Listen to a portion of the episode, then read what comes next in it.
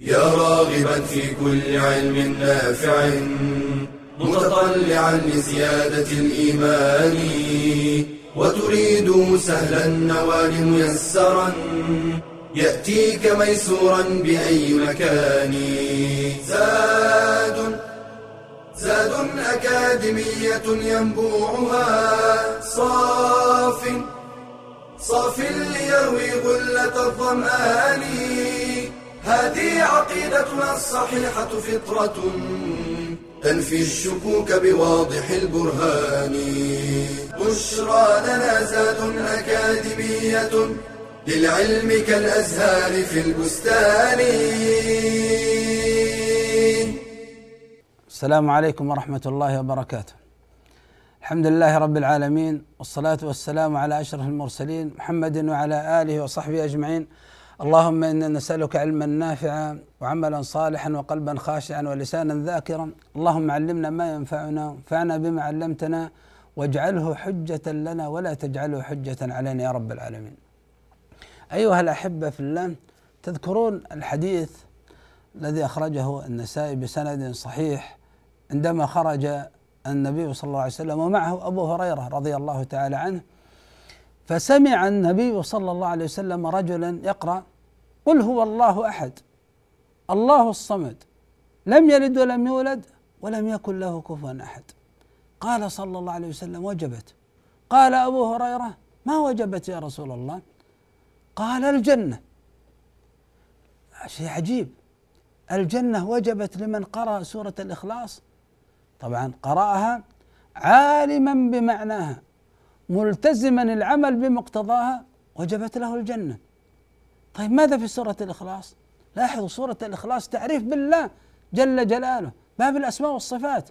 أن الله عز وجل أحد أحد في ربوبيته أحد في أسمائه وصفاته أحد في ألوهيته. لما كان الله عز وجل أحد في هذه الأمور منفرد بالخلق والملك والتدبير كان هو الصمد جل جلاله الذي يجب أن يفرد بالعبادة وحده لا شريك له ويعود الإنسان إليه في حوائجه وهو جل جلاله يقضي للخلائق حوائجها فكان هو المعبود وحده.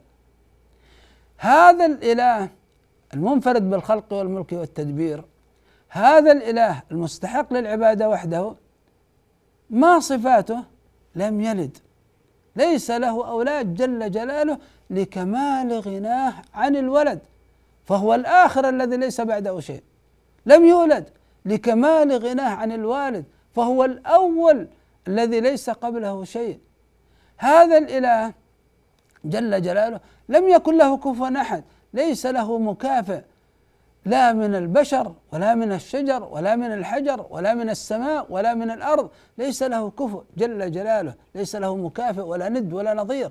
من اعتقد هذه العقيدة وعمل بمقتضاها وجبت له الجنة. باب الأسماء والصفات أيها الأحبة في الله من أعظم الأبواب. في هذه المحاضرة المحاضرة العاشرة في مادة العقيدة المستوى الثاني سنتحدث ونكمل الحديث عن طريقة أهل السنة والجماعة في باب الأسماء والصفات. قلنا في المحاضرة التاسعة أن طريقتهم في باب الأسماء والصفات مأخوذا من قوله تعالى ليس كمثله شيء وهو السميع البصير ليس كمثله شيء تنزيه. فطريقتهم تنزيه الله عن المماثلة بلا تعطيل السميع البصير بلا تعطيل الوارد. وطريقتهم إثبات الوارد أن الله سميع بصير دون نسيان. ماذا؟ ليس كمثله شيء. فهم يثبتون الوارد بلا تمثيل. وينزهون الله عن المماثلة بلا تعطيل. هذه طريقتهم نفيا واثباتا. وقلنا في الإثبات منهجهم أنهم يفصلون في الإثبات لأن في تفصيل الإثبات زيادة في كمالات الممدوح. وهذا منهج القرآن. ومنهجهم في النفي وهذا الذي وقفنا عنده أنهم لا يفصلون في النفي. لأن في التفصيل في النفي يعني شيء من مما تشمئز منه النفوس فيه شيء من تنقص هذا هذا الممدوح. عندما لا تصف إلا بالصفات المنفية الصفات السلبية فحسب هذا فيه تنقص له. لذلك منهج أهل السنة والجماعة لا يفصلون في النفي إلا لأسباب. والأصل في النفي هو الإجمال يأتون للمعايب جملة واحدة وينفونها عن عن الله. إذا في النفي ما منهجهم؟ الإجمال في النفي. في الإثبات التفصيل في الإثبات. ولا يفصلون في النفي إلا لأسباب. من هذه الأسباب لرد ما ادعاه الكاذبون في حق الله. أن دعوا للرحمن ولدا؟ قال الله وما ينبغي للرحمن أن يتخذ ولدا. قالوا الله عز وجل بعد أن خلق السماوات والأرض في ستة أيام أنه تعب فاستراح في اليوم السابع. قال الله وما مسنا من لغوب ما مسنا. فهذا يكون نفي لأسباب. أمر الثاني من من هذه الأسباب لدفع توهم نقص عن صفات كماله جل جلاله. مثلا الله عز وجل حي قيوم. قد يتوهم متوهم أن حياة الله وقيوميته جل جلاله أن يلحقها شيء من النعاس النوم. قال لا تأخذه سنة ولا نوم. لدفع توهم نقص عن صفات كماله. أمر ثالث لكون الله سبحانه وتعالى عندما ينفى عنه العيب أو النقص ينفى عنه ذلك مدحا فلا بد من إثبات كمال الضد في هذا الأمر المنفي حتى يكون هذا الأمر مدحا. فعندما نقول وما مسنا من لغوب لكمال قوته جل جلاله. لم يلد ولم يولد لكمال غناه جل جلاله سبحانه وتعالى. لا تأخذه سنة ولا نوم لكمال حياته وقيوميته. وهكذا لا تدركه الأبصار لعظمته سبحانه وتعالى. فالأبصار وإن رأته يوم القيامة لكن لا تحيط به رؤية جل جلاله وهكذا. فالمقصود أيها الأحبة في الله أن هذا هو منهج أهل السنة والجماعة وهذه طريقتهم في باب الأسماء والصفات. القاعدة الأولى التي يعني ينبغي أن نستحضرها في باب الأسماء والصفات أن باب الأسماء والصفات هو من باب الخبر. فلما كان من باب الخبر دائر كان دائرا بين الإثبات والنفي فنقول القاعدة الأولى التي دائما نتذكرها أن الله عز وجل موصوف بالإثبات والنفي وأن كل نفي لا بد أن يتضمن إثبات كمال الضد ليكون مدحا. هذا الخبر من من؟ من الله. إذا إذا كان الكلام ثابت في الكتاب والسنة نفيا وإثباتا وجب علينا أن نؤمن به كما ورد من غير شك في ذلك ومن غير تحريف له. طيب لو كان هذا اللفظة لو كان هذا الأمر ما ورد لا في الكتاب ولا في السنة فماذا نصنع؟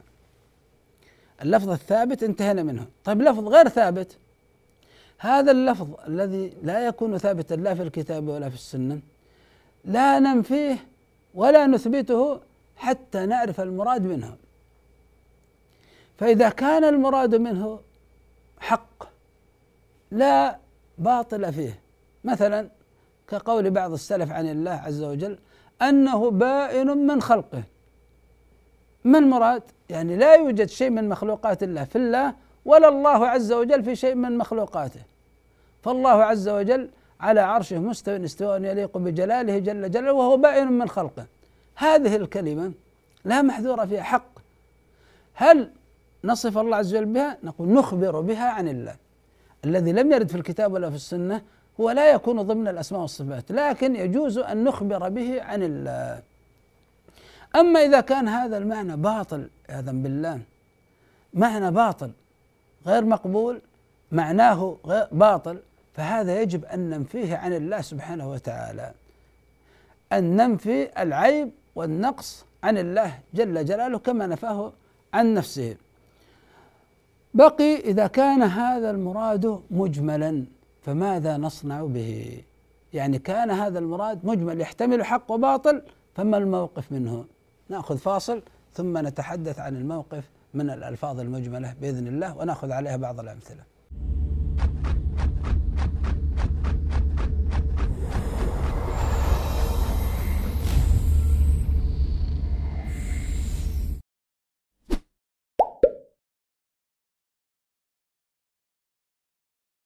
هل أنت حريص على رأس مالك؟ هل تحافظ عليه من الضياع؟ فرأس مالك الحقيقي هو الوقت. قال الحسن البصري ابن آدم إنما أنت أيام كلما ذهب يوم ذهب بعضك. ومن أهمية الوقت أقسم الله به في كتابه فقال والليل إذا يغشى والنهار إذا تجلى. وسوف نسأل عن الوقت يوم القيامة.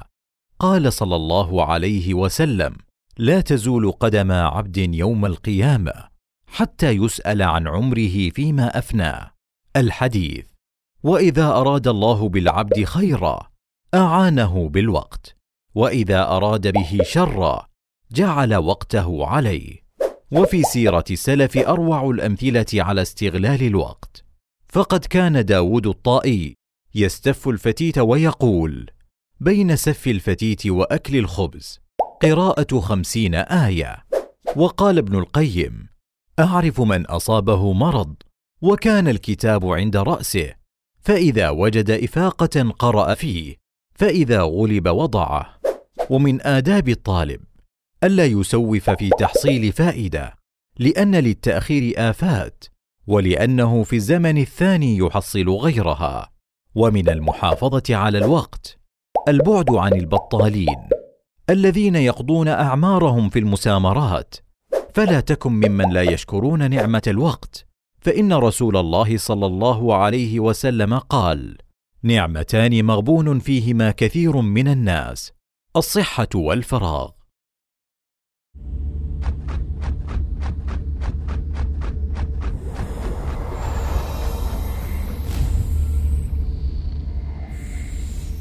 حياكم الله أيها الأحبة.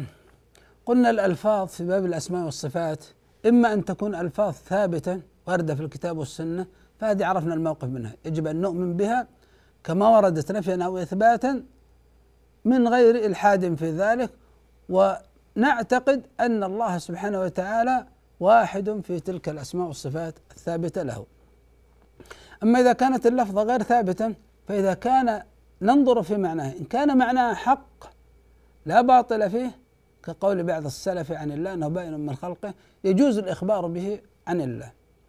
وإذا كان هذا المعنى باطل يعني يقول الإنسان عياذا بالله لله قلب كبد كذا. هذه ألفاظ باطلة. ما يجوز الإنسان يقول نثبتها لله من غير تمثيل. لا هذه لم ترد في الكتاب والسنة وهذه صفات عيب ونقص هذه تنفى عن الله ولا تذكر. أما إذا كانت اللفظة مجملة تحتمل حق وباطل فلا ننفيها ننفي الكلمة على الإطلاق لأن نفينا لها على الإطلاق سننفي الحق الذي فيها. ولا نثبتها على الإطلاق لأن إثباتنا لها على الإطلاق إثبات للباطل الذي فيها. فماذا نصنع؟ نستفصل عن المراد المعنى الحق نثبته والمعنى الباطل ننفيه. نأخذ أمثلة. مثال الله سبحانه وتعالى هل يقال الله في جهة؟ أو ليس في جهة. نقول كلمة الجهة لم ترد في الكتاب والسنة. عن الله نفيا أو إثباتا. ليست لفظة من ألفاظ الكتاب والسنة. الذي ورد في الكتاب والسنة أن الله في العلو أن الله مستوى على عرشه. هذا الذي ورد. لكن هل الله في جهة أو ليس في جهة؟ ولفظ الجهة هذه تحتمل معنى حق وتحتمل معنى باطل. ليست هي معنى باطل على الإطلاق فننفيها وليست هي معنى حق بالإطلاق فنثبتها تحتمل حق وباطل. الجهة معناها ممكن يكون شيء مخلوق. فهل الله عز وجل في جهة؟ بمعنى الله في شيء مخلوق؟ نقول لا عياذا بالله. مثل هل الله عز وجل في السماوات نفسها؟ هل الله عز وجل في عرشه نفسه؟ تعالى الله عز وجل عن ذلك. فالله عز وجل ليس في شيء من مخلوقاته.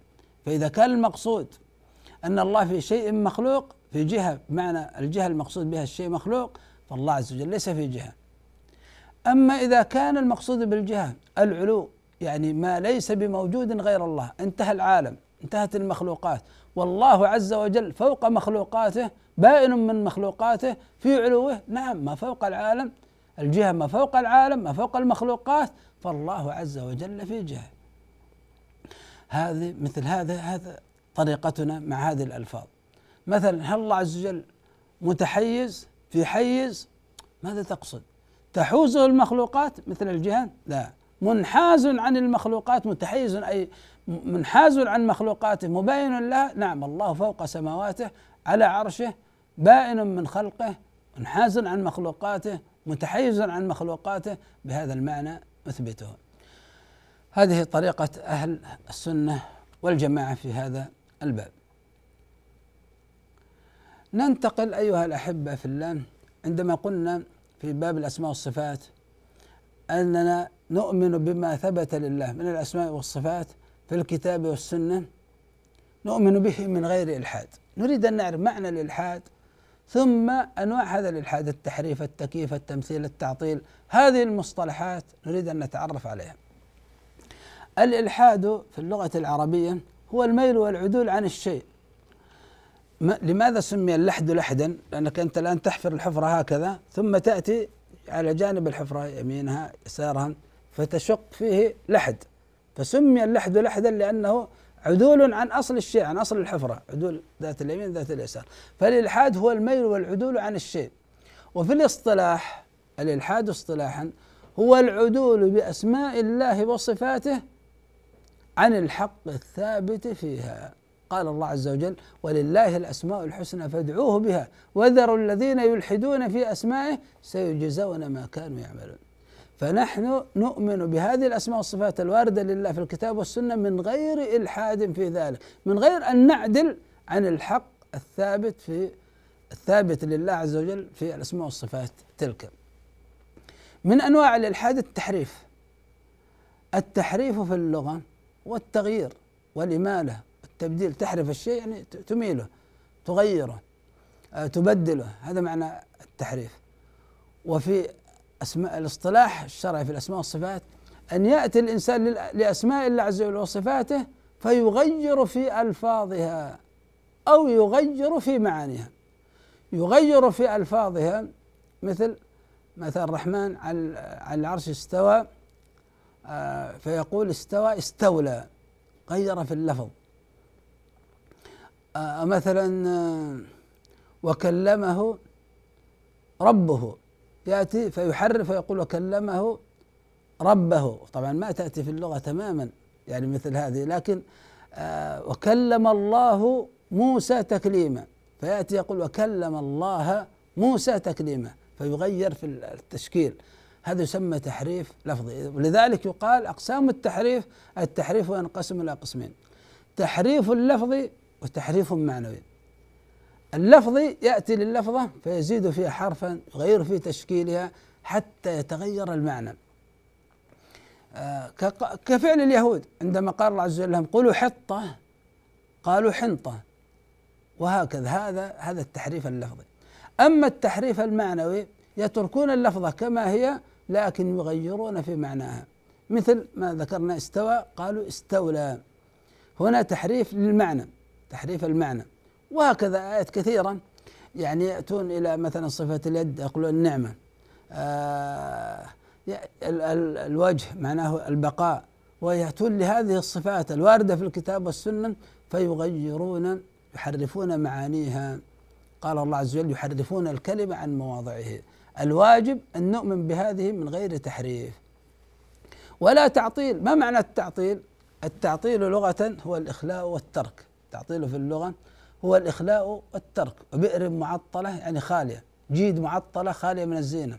وفي الاصطلاح إنكار الأسماء والصفات. لكنه ينقسم إلى قسمين. هناك إنكار كلي يأتي شخص فينكر أسماء الله عز وجل والصفات وصفاته بالكلية. مثل الجهمية. ومن زاد عليهم في الغلو من الباطنية والفلاسفة أو تحريف أو تعطيل جزئي. التعطيل الجزئي لا يعطل جميع أسماء الله عز وجل وصفاته لكن يعط يثبت الصفات مثلا آه، يثبت الأسماء وينكر الصفات كفعل المعتزلة. أو يأتي إلى بعض الصفات فيثبتها وينكر البعض الآخر كفعل الكلابية الأشعرية الماتريدية. هذا يسمى تعطيل جزئي. كفعل والعياذ بالله المشركين قال وهم يكفرون بالرحمن. يقول ما الرحمن؟ يعني ينكرون اسم الله عز وجل هذا الرحمن. ومن غير تكييف ما معنى تكييف؟ التكييف في اللغة هو تعيين كيفية الشيء كنها الشيء كونها الصفة. كيف كيف هذه الصفة؟ كيف كيف اليد؟ فهي صفة اليد هذا يسمى يعني تعيين كونها الصفة. اصطلاحا هو حكاية كيفية صفات الله. كقول القائل يد الله كذا وكذا. نريد ملحوظة أن نبينها. هل لصفات الله كيفية؟ نعم لصفات الله كيفية. لكن هذه الكيفية لا نعلمها. لا نعلم كيف وجه الله لا نعلم كيف يد الله لا نعلم كيف استواء الله لا نعلم كيف عزة الله. لكن نعلم معانيها. أما الكيفيات فلا نعرفها. السبب في الكيفية أن لا نعرفها ثلاثة أمور. الأمر الأول أننا لا نعرف ذات الله. والصفات تابعة للذات. فلما كانت ذات الله غيب وهذا من باب الابتلاء والاختبار. غاب الله عز وجل عنا في هذه الدنيا بذاته. ابتلاء واختبار للذين يؤمنون بالغيب. وجزاء أنك تعبد الله وأنت لم ترى الله جل جلاله في هذه الدنيا أن الله عز وجل يجزي هذا المؤمن أعظم نعيم يوم القيامة. ما هو أعظم نعيم يتنعم به الإنسان يوم القيامة هي لذة النظر إلى وجه الله جزاء وفاقا لأنك عبدت الله وأنت لم تره سيجعل الله عز وجل أعظم نعيم لك يوم القيامة هو لذة النظر إلى وجهه سبحانه وتعالى. نأخذ فاصل ثم نعود للحديث عن هذه الأسباب التي تمنعنا عن طلب كيفية صفات الله.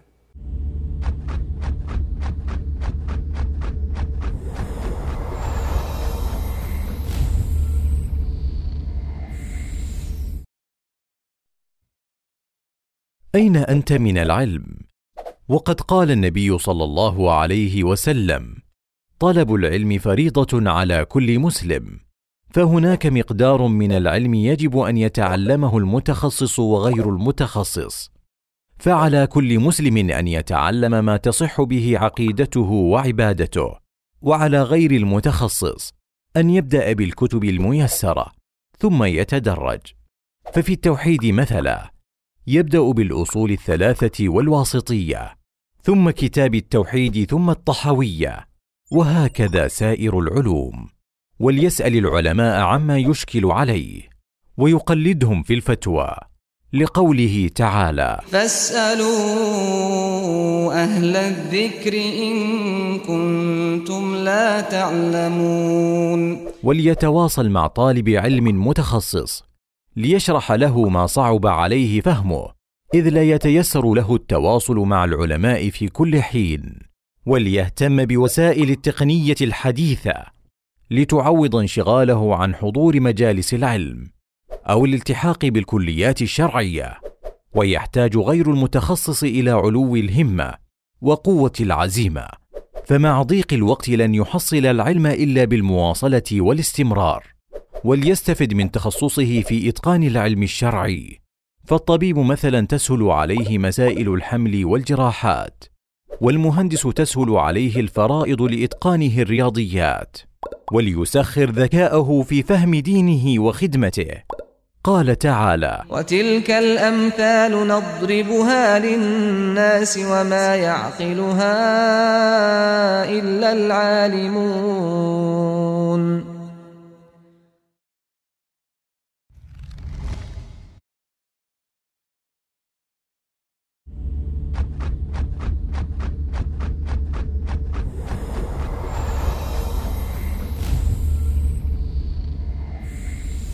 حياكم الله أيها الأحبة في الله. قلنا بالنسبة لصفات الله لها كيفية لكننا لا نعرف الكيفية أول سبب لعدم معرفتنا بذات الله. والصفات تابعة للذات فرع عن الذات. فلما كانت ذات الله غيبية كانت صفاته غيب ولا نعرف كيفيتها. الأمر الثاني أن الله سبحانه وتعالى ليس له مثيل فنقيس عليه. يعني إنسان ما يعرف السفرجل ثم قيل له يشبه مثلا التفاح يشبه كذا بدأ يعرف عرف أن هذه فاكهة وأن لكن الله عز وجل ليس له مثيل فنقيس عليه. الأمر الثالث أنه لم يردنا الخبر الصادق الموضح لكيفية صفات الله. من هنا وجب قطع الطمع عن إدراك كيفية صفات الله. فلا ندخل في التكييف لا ندخل في طلب معرفة الكيفية. الله عز وجل استوى على العرش. ما يأتي إنسان يقول كيف؟ كيف استواءه؟ كيف وجهه؟ كيف يده؟ يوقع يوقعك في الخطأ أو في الحرام. تنتبه لهذا. تقول كيف ذاته؟ أنا أؤمن أن لأسماء الله عز وجل وصفاته كيفيات لكن هذه الكيفيات غيبية. فأنا أؤمن بها أفوض هذا الكيف إلى الله. يعني أرجع معنى الكيفية أرجع كيفية صفات الله إلى الله جل جلاله وأتربى من خلال هذه المعاني وأتعرف إلى الله عز وجل بهذه المعاني. أعلم أن الله عز وجل سميع بصير لكن سمع الله كيف سمع الله؟ يليق بجلاله جل جلاله لا أعرف الكيفية. لكن أعلم أن الله إذا تكلمت أنا أسمع كلامي الآن. أعلم أن الله كيف بصر الله؟ لا أعلم لكن الذي أعلمه أن الله الآن يرى ما أقوم به. ما أفعله. مسكي لهذا القلم. وضعه هنا. أعلم أن الله سبحانه وتعالى يراني الآن. أعلم ذلك. كيف يراني؟ كيف بصره؟ هذا علمه عند الله. لا ندخل في الكيفيات. فننتبه لهذه القضية. قال الله ولا يحيطون به علما. قال الله عز وجل ولا تقف ما ليس لك به علم. هذا ليس لنا به علم. وهذا نعلم أنه من باب الابتلاء والاختبار. هل نقول هناك أشياء في ديننا مخالفة للعقل هنا مخالف لا هنا نقول العقل يقول بوجوب قطع الطمع عن إدراك كيفية صفات الله. العقل يقول بهذا وليس نحن هنا نحجر على العقل لا العقل يقول لا يمكن الوصول إلى معرفة كيفية صفات الله لأن الله غاب عنا بذاته وأن الله ليس له مثيل فيقاس عليه وأن الله عز وجل لم يخبرنا عن طريق رسله بكيفية صفاته فوجب قطع الطمع عن إدراك ذلك. بلا تكييف. ولا تمثيل. ما معنى التمثيل؟ التمثيل أيها الأحبة في الله هو إثبات في اللغة إثبات المثل للشيء. تقول هذا مثل هذا. وفي الاصطلاح إثبات مثيل لله في ذاته أو في شيء من صفاته. مثل أن يقول قائل يد الله مثل يد المخلوق. تعالى الله عز وجل عن ذلك علوا كبيرا. أو تقول يد المخلوق مثل يد الله. هذا هذا التمثيل ممنوع. ممنوع شرعا قال الله عز وجل ليس كمثله شيء. وممنوع عقلا. لا يمكن العقل أن يقول العقل نفسه ينكر أن يكون لله مثيل. لأن لو لو قلنا بالمثيل لله لوقعنا في التناقض. مثل أن تقول يد الله مثل يد المخلوق. عقلا ممنوع هذا الأمر عقلا. لأن يد المخلوق مسبوقة بعدم ويلحقها فناء. ويد الله لم تسبق بعدم ولا يلحقها فناء. فعندما تقول يد الله مثل يد المخلوق يد المخلوق مسبوقة بعدم. وتقول هي مثل يد الله ليست مسبوقة بعدم فتصف اليد بأنها مسبوقة بعدم ولم تسبق بعدم لا يمكن ذلك. هذا تناقض. أو يد الله جل جلاله لم تسبق بعدم ثم تقول هي مثل يد المخلوق يعني مسبوقة بعدم تقع في التناقض عياذا بالله. والمقصود أن الله عز وجل لا يمكن أن يكون له مثيل في شيء من مخلوقاته. هو خالق هذا العالم وهذا العالم كله بسمائه وأرضه وشمسه وقمره ونجومه وبشره هذه كلها مسبوقة بعدم. كل مخلوق من هذه المخلوقات قد سبق بعدم. فلا يمكن أن يكون شيء من هذه المخلوقات مثل الله عز وجل. لماذا؟ لأنه سبق بعدم والله عز وجل لم يسبق بعدم. الله عز وجل هو الأول الذي ليس قبله شيء. فلا يمكن بأي حال من الأحوال أن يكون خالق العالم مثل شيء من آحاد هذا العالم مثل هذا العالم أو مثل شيء من آحاده. ولا يمكن أن يكون هذا العالم أو شيء من آحاده مثل الله سبحانه وتعالى. هذا ممنوع كما هو ممنوع شرعا بقوله ليس كمثل شيء بقوله هل تعلم له سميع بقوله ولم يكن له كفوا أحد هو كذلك ممنوع عقلا. ما الفرق بين التكييف والتمثيل؟ التمثيل فيه إثبات للكيفية فكل ممثل فقد وقع في تكييف صفات الله. لكن ليس بشرط الذي تصور كيفية لصفات الله وقام يصفها ليس بشرط أن يكون ممثلا إلا إذا ربطها بشيء من المخلوقات. لكن إن عين كونه صفة صفة من صفات الله هكذا تعيينا مطلقا هذا يسمى تكييف. فكل ممثل وقع في التكييف. لكن ليس كل من وقع في التكييف أن يكون بالضرورة وقع في التمثيل. قد يكون وقع في التمثيل وقد لا يكون وقع في التمثيل. صفات الله أيها الأحبة في الله تنقسم إلى قسمين صفات منفية وصفات مثبتة. وهذه الصفات الصفات المثبتة تنقسم إلى قسمين. صفات ذاتية مثبتة ذاتية وصفات فعلية. ما الفرق بين الصفات الذاتية والصفات الفعلية؟ الصفات الذاتية هي التي تكون ملازمة لله سبحانه وتعالى أزلا وأبدا كصفة الوجه وصفة اليد وصفة العين وهذه الصفات صفات تسمى صفات ذاتية. أما الصفات الفعلية هي التي يتصف الله سبحانه وتعالى بها الوقت الذي يشاء كيف يشاء من الأقوال أو الأفعال أو الأحوال. الأقوال مثل صفة الكلام الأفعال مثل صفة الاستواء الأحوال مثل الغضب والرضا والنزول والمجيء. هذه تسمى صفات فعلية. هل الصفات الفعلية التي يتصف الله سبحانه وتعالى بها. هل نقول أن الله عز وجل في مرحلة من المراحل لكونه يتصف بها ولا يتصف بها؟ هل أن الله سبحانه وتعالى لم يكن موصوفا بالفعل ثم اتصف بالفعل؟ لا. الله سبحانه وتعالى فعال لما يريد موصوف بالفعل أزلا وأبدا. لكن آحاد فعله هي التي يتصف بها كيف يشاء الوقت الذي يشاء. وكونه جل جلاله كون آحاد فعله حادثا بمعنى يتصف الله عز وجل بها ولم يكن متصفا بها من قبل لا يعني ذلك أن الله عز وجل حدثت له صفة لم يكن موصوفا بها من قبل لا. الله عز وجل موصوف بصفاته أزلا وأبدا فهو موصوف بصفة الكلام أزلا وأبدا لكنه يتكلم بما شاء الوقت الذي يشاء. هو استوى على عرشه وهو موصوف بصفة الفعل أزلا وأبدا رغم أن الاستواء على العرش صفة حادثة لكن صفة الفعل صفة أزلية وهكذا. فنحن نثبت هذه الأسماء والصفات سواء كانت الذاتية أو كانت الفعلية لله سبحانه وتعالى من غير تشبيه ولا تمثيل.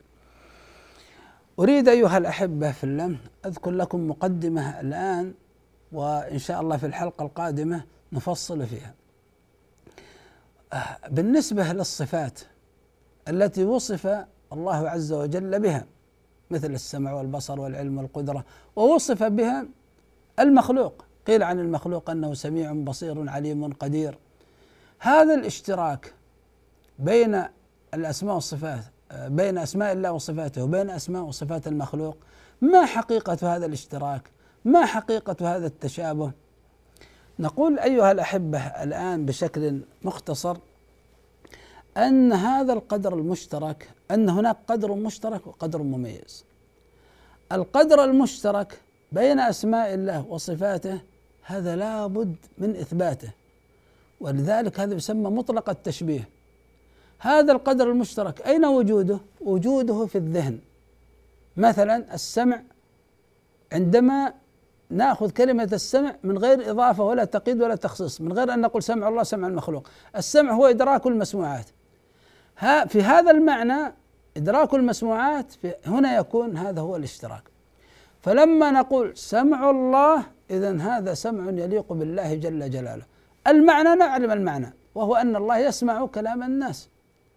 لكن آه من أين عرفنا؟ من هذا المعنى الكلي. لكن إذا أضيف إلى الله فهو سمع يليق بالله. وإذا أضيف إلى المخلوق فقيل أنه هذا الإنسان سمع كلام الشخص هذا هذا سمع يليق بالمخلوق. فهناك قدر مشترك قدر مميز القدر المشترك هو الذي يكون في الأذهان وإذا أضيف أو قيد أو خصص فهذا يليق بالله وهذا يليق بالمخلوق فلا اشتراك عند الإضافة والتقييد والتخصيص. هذه القاعدة إن شاء الله في المحاضرة القادمة نأخذها بالتفصيل. وصلى الله وسلم وبارك على عبده ورسوله محمد وجزاكم الله خيرا. يا راغبا في كل علم نافع. متطلعا لزيادة الإيمان وتريد سهلا النوال ميسرا يأتيك ميسورا بأي مكان. زاد زاد أكاديمية ينبوعها صاف صاف ليروي غلة الظمآن. هذه عقيدتنا الصحيحة فطرة. تنفي الشكوك بواضح البرهان. بشرى لنا زاد أكاديمية للعلم كالأزهار في البستان.